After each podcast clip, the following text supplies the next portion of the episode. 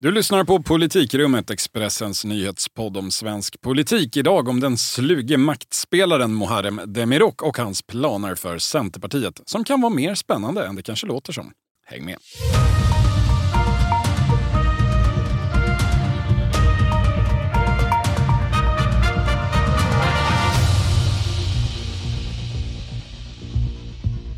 Det är tisdag den 7 februari och politikrummet är återsamlat på hemmaplan efter förra veckans äventyr i Skåne. Jag heter Viktor Bartkron och är politisk kommentator här på Expressen och med mig, som alltid, vårt allhörande öra i maktens kulvertar, Thomas Nordenskjöld. Hej! Hallå, hallå.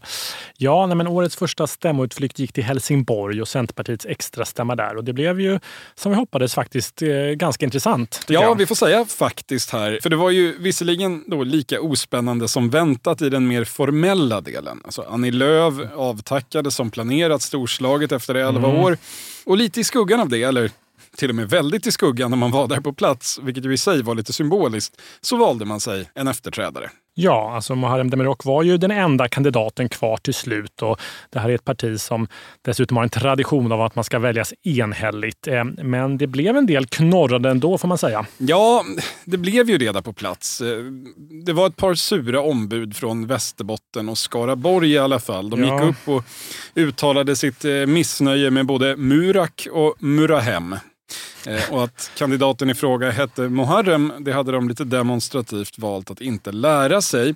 Vilket ju i sin tur möttes med rätt ljudliga missnöjesyttringar från då andra ombud eh, på golvet. Ja, alltså det var en rätt märklig och eh, obekväm stämning i kongressalen får man säga. Alltså det är sällan man ser något liknande. Alltså jag kan inte minnas det. Jag, jag fick en liten eh, flashback ändå till när Anna Kinberg Batra skulle väljas till moderatledare. Det var i eh, mitten av januari 2015 och det var också två veckor efter att man plötsligt under julhelgen hade ingått den så kallade decemberöverenskommelsen. Där Alliansen, eh, inklusive Moderaterna, då, eh, släppte fram den rödgröna regeringen och lovade att dessutom släppa fram alla rödgröna budgetar under kommande fyra år. Ehm, och det var då Henry Stensson eh, från Stockholmsmoderaterna, han var ombud och han tog ordet och muttrade argt om elefanten i rummet, som han sa då om decemberöverenskommelsen och att den borde minsann diskuteras. Sen mm. hände inget mer. Det stod ju ingenting annat på dagordningen än att välja partiledare. Men det blev väldigt stel stämning i lokalen. Mm. Eh, och det där kan ju ses som ett förebud om allt som hände sen. Och om man ska se det så, så var det ju möjligen ett dåligt omen då för Muharrem Demirok att eh, det började som det började. Det är väldigt långtgående slutsatser, ja, vet. Men då ja, fått, fick vi berätta den anekdoten. Verkligen. Ja, men vi får väl se. Alltså, den här gången handlar det bara då om enskilda röster, ska vi säga. Alltså ingen tung partiopinion. Nej som var fallet då. Men, alltså, men och andra gick upp och förklarade att så här gör man minsann inte i vårt parti. Men, men alltså, det som är tydligt är att liksom, det finns ett missnöje med hur den här processen eh, har gått till och hur valberedningen skött, skött sitt arbete. Eh, och att Demirok dessutom har en del att bevisa för gräsrötterna. För landsbygdscentern är ju tydligt. Jo, alltså det är ju, det är ju sant att Centern under eh, Annie Lööfs tid mer och mer har blivit ett parti för storstadskvinnor och att hon eh, absolut har varit en bidragande orsak till det uh, uh, av olika skäl. Men mm. Eh, Annie Lööf har ju samtidigt gjort vad hon har kunnat för att bevara sin landsortscenter-cred, som ju absolut finns. Ja, men så är det. Ja, men hon är ju uppvuxen på en gård i djupaste Centersmåland. Det vet alla. Hon tvingade till och med dit statsminister Fredrik Reinfeldt för att grilla korv för tio år sedan inför ett stort pressuppbåd. Ja, mindre lyckad utflykt då ska man säga. Alltså det, det var väl mest, eller blev mest som ett bevis på att Alliansen var allmänt slutkörd på politiska idéer och att det bara var paketeringen kvar typ. Ja, men ändå då en, en mycket centerpartistisk paketering får vi säga. Annie Lööf har ju eh, kört väldigt många traktorer på bild i sina sociala medier genom åren. Hon är den enda partiledaren som har gått på varenda lantbruksmässa runt om i landet i alla år. Så hon har gjort vad hon har kunnat. Muharrem Demirok är uppvuxen, i, inte på en gård utan i en Stockholmsförort. Han har jobbat politiskt i Linköping som i alla fall vill vara en stor stad. Så mm. man får ju säga att i, i, i ett strikt centerpartistiskt sammanhang så har han ju en identitetspolitisk uppförsbacke där. Ja, alltså, nu påstår ju Demirok själv då att, eh, att det finns stora likheter mellan förort och glesbygd. Alltså han kopplar ihop det här att det är ett liknande eh, utanförskap man känner. Alltså vi får väl se hur långt det räcker. Ja, så långt eh, identitetspolitiken. I eh, Helsingborg så fick ju Muharrem Demirok till slut, när avtackningarna var över, i alla fall chansen att göra sitt eget avtryck. Han höll faktiskt två rätt ordentliga tal, ett när han mm. valdes och ett ännu längre dagen efter när kommundagarna inleddes. Så vi, mm. vi reagerade ju båda på att han intog ändå scenen med rätt mycket självförtroende. Eh, han pekade ut riktningen mer än vad man kanske hade väntat sig efter en partiledarprocess som har varit ganska renons på innehåll mm. och med tanke på hans egen lågmälda stil fram till nu.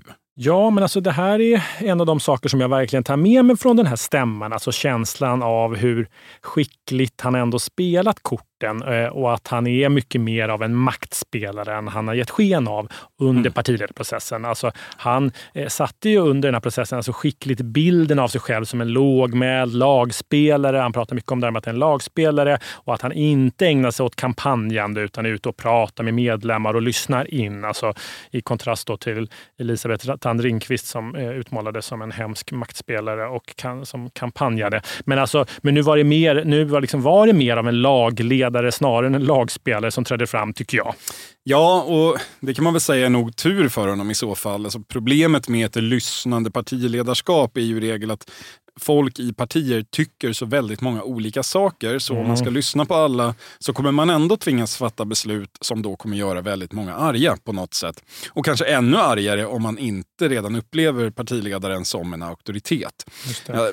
det. finns ju två verkliga skräckexempel i modern tid. Dels är det Mona Salin och dels är det eh, den redan nämnda då Anna Kinberg Batra. Bägge kom precis som Muharrem Demirok efter starka, dominerande ledare de möttes av önskemål om att mm. nu ska det minsann bli ett mer lyssnande ledarskap. Och eh, de försökte leva upp till det och det gick väl sammanfattningsvis eh, lite åt helvete i bägge fallen. Ja, alltså det var väl eh, inte särskilt lyckat alls det där kan man verkligen konstatera. Men, men alltså i fallet Demirok så, nej, men så tycker jag man kan säga att han ändå har spelat eh, korten skickligt hittills. Alltså han valde ju att inte berätta om sina eh, skallningar och misshandelsdomar förrän konkurrenterna hade fallit ifrån.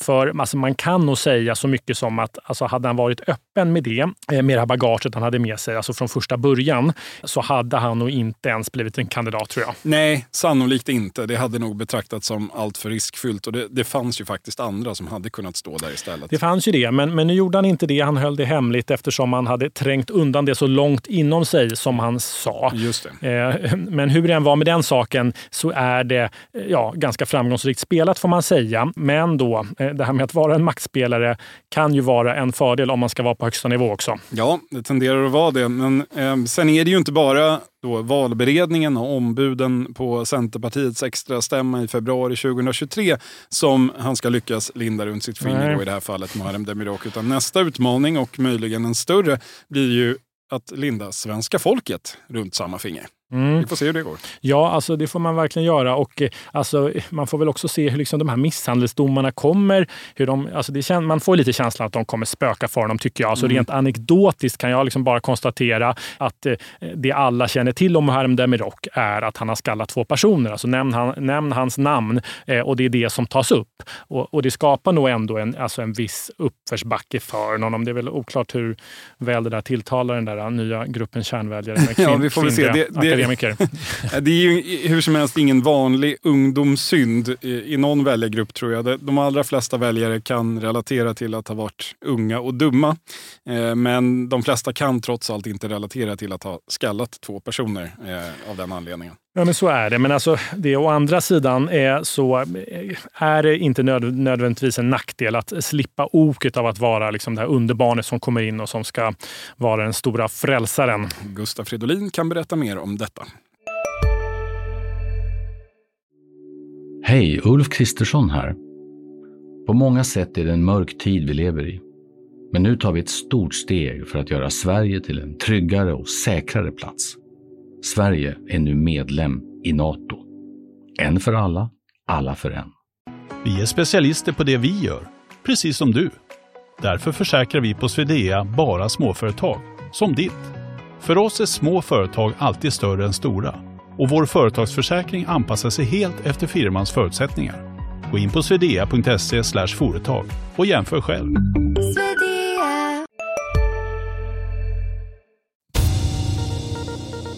Den nyvalde Muharrem Demirok höll inte bara tal där i Helsingborg. Han gav intervjuer också, bland annat med dig Thomas. Och eh, vi kan väl utan att skryta allt för mycket säga att det var den intervjun som gav mest eko både där nere och runt om på internet.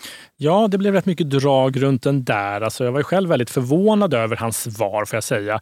För jag hade verkligen inte förväntat mig det. Jag hade ju för sig hört ledande moderater i Ulf Kristerssons närhet som sagt att Muharrem Demirok sänt ut vissa signaler om en annan attityd när det gäller att göra upp med regeringen och Tidöpartierna. Men jag hade också pratat med massa centerpartister högt upp i partiet inför den här då intervjun och de gav ju bilden av att den dörren eh, absolut inte skulle öppnas. Så att jag hade verkligen inte förväntat mig de svaren jag fick. Nej, om vi ska försöka sammanfatta eh, så ville han uttryckligen inte att regeringen ska avgå utan han hoppas tvärtom att den ska hålla ihop. Och redan det är ju en nyhet ett, en ganska stark kontrast mot hur hans företrädare har uttryckt sig.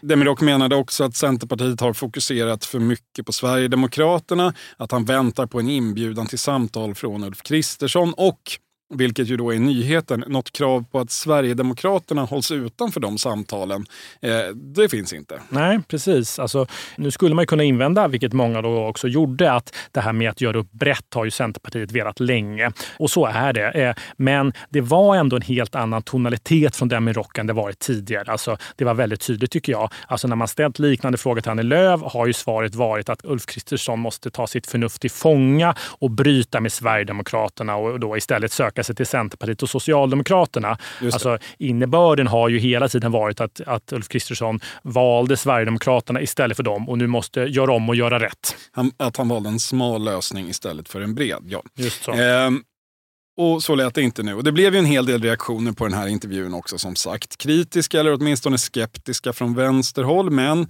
vad jag kunde se också många positiva från centerpartister där i det omedelbara skedet efter mm. publicering. Alltså mm. Positiva reaktioner från centerpartister. Eh, också av det slag som har stått och, och står stenhårt bakom Annie Lööf. Och det tyckte jag var lite intressant att se att rätt många i partiet ändå välkomnade det här anslaget. Ja. Även med den rubrik vi valde. Ja, verkligen. Men det var ändå så att internt eh, så var det många som ansåg att han gått för långt. Alltså en del valde såklart att nöja sig med att bara skylla allt på mig. Det är alltid tacksamt att vi hade förvanskat hans budskap. Men, eh, men när jag ringer runt och pratar med folk i partiet så, eh, så förklaras ju dessa uttalanden i ganska stor utsträckning med hans orutin. Alltså att det var kommunalrådet Muharrem Demirok snarare än partiledaren som uttalar sig här. Ja, men vi, vi, ska ju säga att det finns en, en förhistoria med dig och Centerpartiet här som, som är lite spännande just i det här sammanhanget och, och kanske även lite talande. Eh, du intervjuade Annie Lööf i mars eh, 2021, alltså eh, nästan två år sedan. Och av det hon sa då så drog vi rubriken att Annie Lööf är redo att sätta sig i en socialdemokratiskt ledd regering efter valet. Och först så gillade folket runt eh, Centerledningen den här artikeln. Mm, men, mm, men efter en del reaktioner internt som kanske inte var lika positiva så blev det full back och så hette det att Expressen hade minsann feltolkat alltihop. Centerpartiets krishantering fick dessutom då stöd från ett antal prominenta journalister på andra medier. Jag minns vilka ni är. För vi vet ju alla vem som fick rätt till slut. Det var inte Centerpartiet och det var inte dem, utan det var du. ja.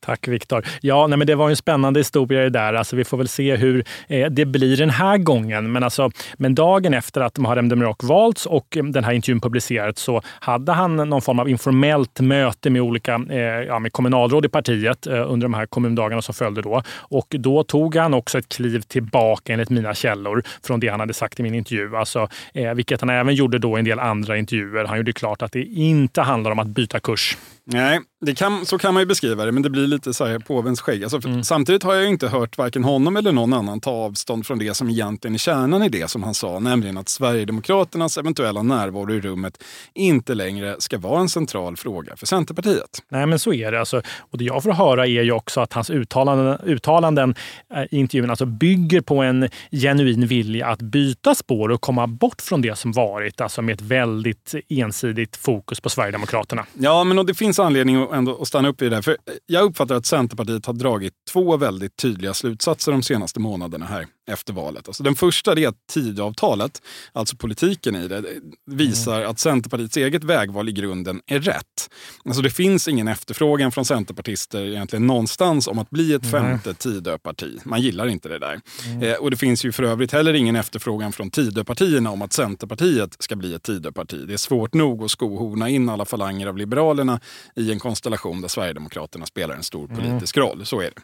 Ja, och det, och det är också så att eh, Tidöpartierna har majoritet i riksdagen och inte behöver Centerpartiets mandat egentligen. Det är ju inte helt oväsentligt här. Nej, men den andra slutsatsen som centerpartisterna också har dragit, det är att SD-frågan, om vi kan kalla den så, alltså konflikten runt Sverigedemokraternas medverkan i olika politiska sammanhang, den gynnar inte Centerpartiet. Inte längre i alla fall. Alltså när fokus hamnar på Sverigedemokraterna eh, och problemen med Sverigedemokraterna, då är det två partier som gynnas. Det ena det är SD själva och det andra är Socialdemokraterna. Mm. Det här är en slutsats som både Vänsterpartiet och i viss mån Miljöpartiet har dragit tidigare. Alltså det är Socialdemokraterna som får den allmänna anti-SD-rösten i den mån den finns. Andra partier däremot behöver motivera sin existens med egen politik. Ja, ja men, och det där är intressant. Och det, och det här är liksom det som Muharrem Demirok och hans folk omkring sig vill komma bort ifrån enligt mina källor. Alltså, partiet kommer ju nu också enligt vad jag får höra med sin valanalys vilken dag som helst. Och eh, vad den innehåller eh, visste ju Muharrem Demirok Rock när han blev intervjuad eh, av mig, eh, vad jag får höra. Och det man kommer slå fast där är ju just det här med... Givetvis vet även du vad som står i den. Ja, eh, jag har fått lite det viskat till mig här. Vi får se. Men, men alltså, det man kommer slå fast där är ju att partiet tappat sitt sakägarskap. Alltså att man inte är, längre äger några, någon politisk fråga. Man har tappat stort i klimat och miljöfrågan mm. och när det gäller landsbygdsfrågorna. Det har det pratats en del om. Och ska man ändra på det så, så kan man inte bara prata om Sverigedemokraterna utan man man måste börja fokusera mer på själva sakpolitiken. Och det var det som Harem Demirok ville åt i sin intervju med mig, enligt eh, de jag pratade med i partiet. Och det är här jag menar att Muharrem Demirok faktiskt signalerar en potentiellt viktig förändring, även om de själva inte vill kalla det så, i alla fall just mm. nu. Alltså nej, Centerpartiet kommer inte att byta block i politiken, men det finns faktiskt, tro det eller ej, så finns det mellanlägen mellan att å ena sidan dricka grogg på Tidö slott och skriva om svensk migrationspolitik ihop med Linus Bylund och å andra sidan att få varenda politisk diskussion i Sverige till att handla om huruvida Sverigedemokraterna borde sitta i karantän eller inte. Det finns lägen emellan. Verkligen. Eh, och det är ju därför man också nu signalerar att man vill vara med och göra upp med regeringen. Eh, och ska man mena allvar med det, alltså ska Centerpartiet mena allvar med det, så kan man inte ha som krav att regeringen måste välja mellan Sverigedemokraterna och dem. För då blir det ju ingenting. Alltså Sverigedemokraterna kommer ju med på köpet här, ja. det, det, vet man ju. Men, men ska man alltså, tro dem eh, på liksom hö, högt upp i partiet, eh, som fanns där även under Annie Lööfs ledarskap, så ska det här då inte tolkas som att man i grunden ändrar sig kring Sverigedemokraterna. Nej, och det behöver man ju heller inte göra. Alltså man kan ju fortfarande ha Magdalena Andersson som statsministerkandidat och, och säga absolut nej till att själva vara med och släppa fram Sverigedemokraterna till regeringsmakten, precis som man har gjort hittills.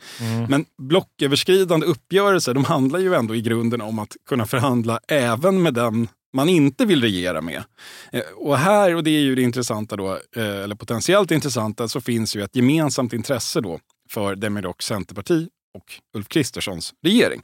Även om de står på olika sidor även fortsättningsvis. Alltså, bägge har ett intresse av att Sverigedemokraternas närvaro inte tar allt fokus. Regeringen för att avdramatisera sitt samarbete, vilket man anser sig behöva.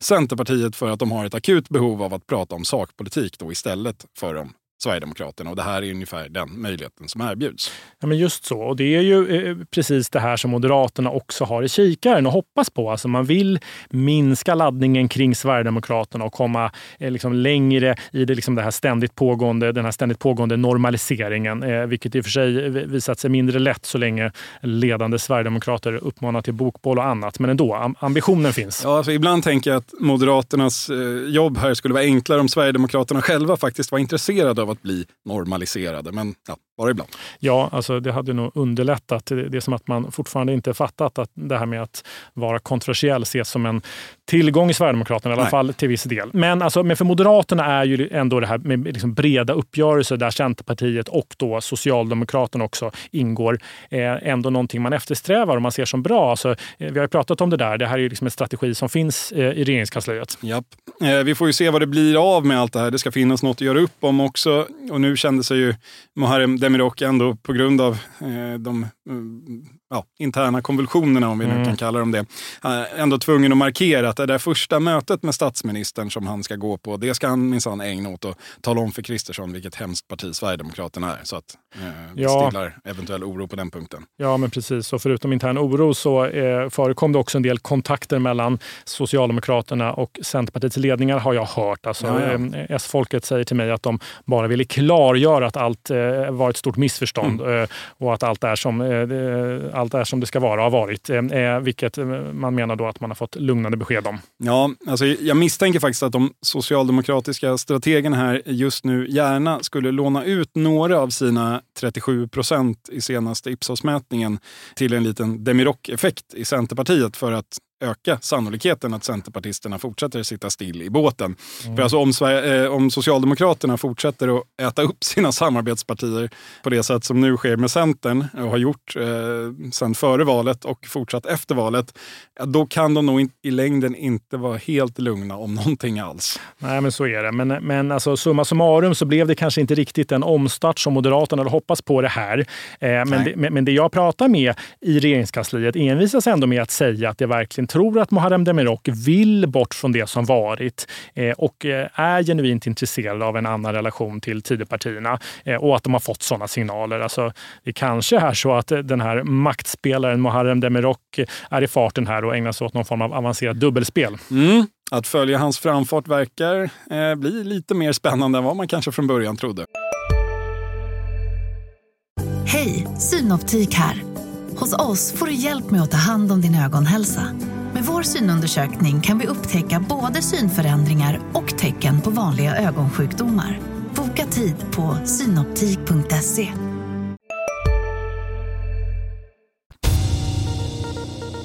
vi ska säga att eh, Muharrem Demirok i alla fall delvis levde upp till sitt eget prat. Eh, han pratade nämligen inte bara om andra partier, eh, utan också om politik.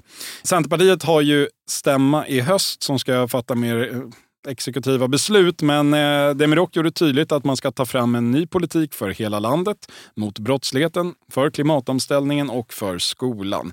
Så där låter det i och för sig alltid från nyvalda partiledare. Eh, Man ska utveckla och förändra. Men eh, jag tyckte ändå att Demirok betonade lite mer än vanligt att partiet verkligen måste flytta på sig, verkligen måste förändra sig. Det var lite så här förändra er eller dö som Reinfeldt sa. Eller hur. Ja, nej men, verkligen. Och hans första riktiga positionsförflyttning där han pekat ut är ju skolan. Mm. Där han eh, vi vill bedriva en, en liksom tydligt mer stram linje. Eh, mindre marknadsliberal kanske man kan säga. Alltså det handlar ju rent konkret om att friskolorna inte längre ska få samma skolpeng som kommunala skolor. Alltså den här modellen som egentligen är själva grunden till den här enorma expansionen vi har sett av friskolemarknaden i Sverige.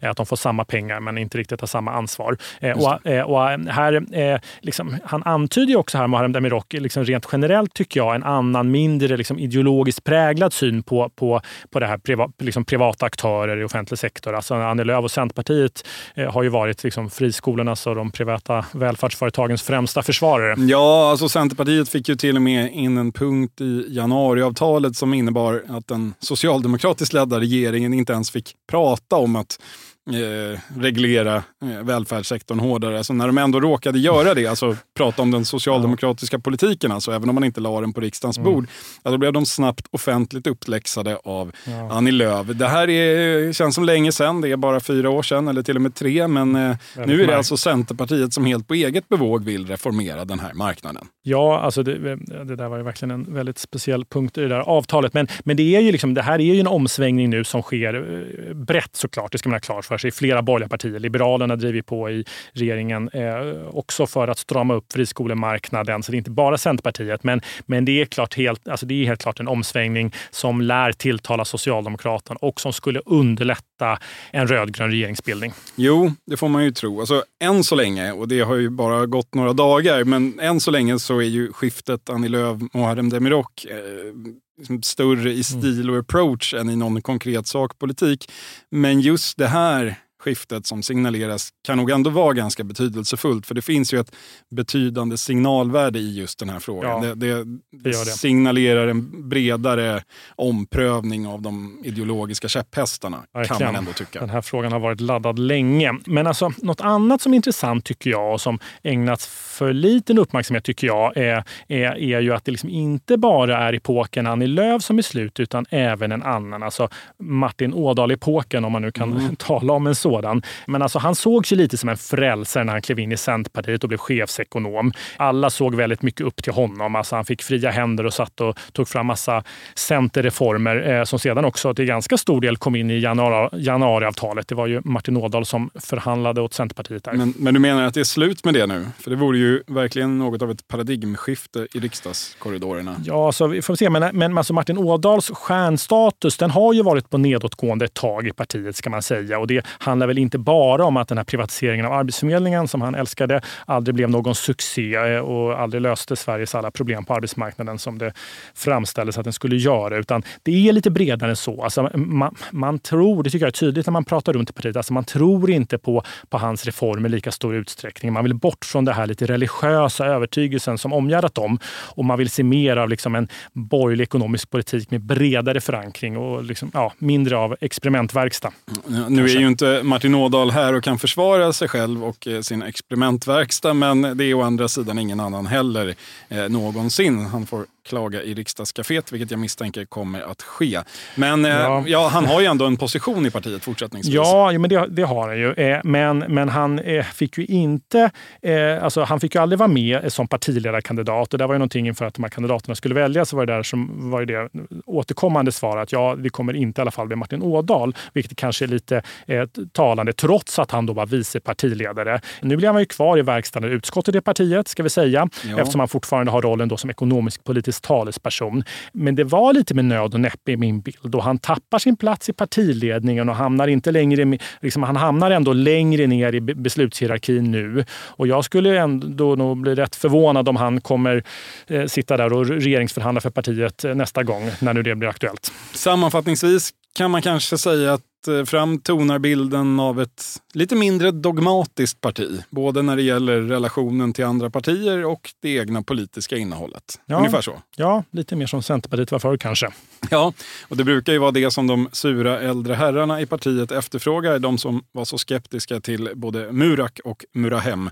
Eh, så här borde kanske alla kunna bli nöjda till slut. Ja, vi får väl se. Mm, vi får ju det. Om en vecka kanske historien om Muharrem Demiroks Centerparti har tagit en helt ny vändning. Eller så har den inte det. Politikrummet är tillbaka då i alla fall, det vill säga den 14 februari, alla hjärtans dag och allt. Vad en sån sak. Mm. Tack för idag Thomas Nordenskjöld. Tackar, tackar. Och tack till er som har orkat lyssna ända hit. Hörs igen om en vecka. Hej!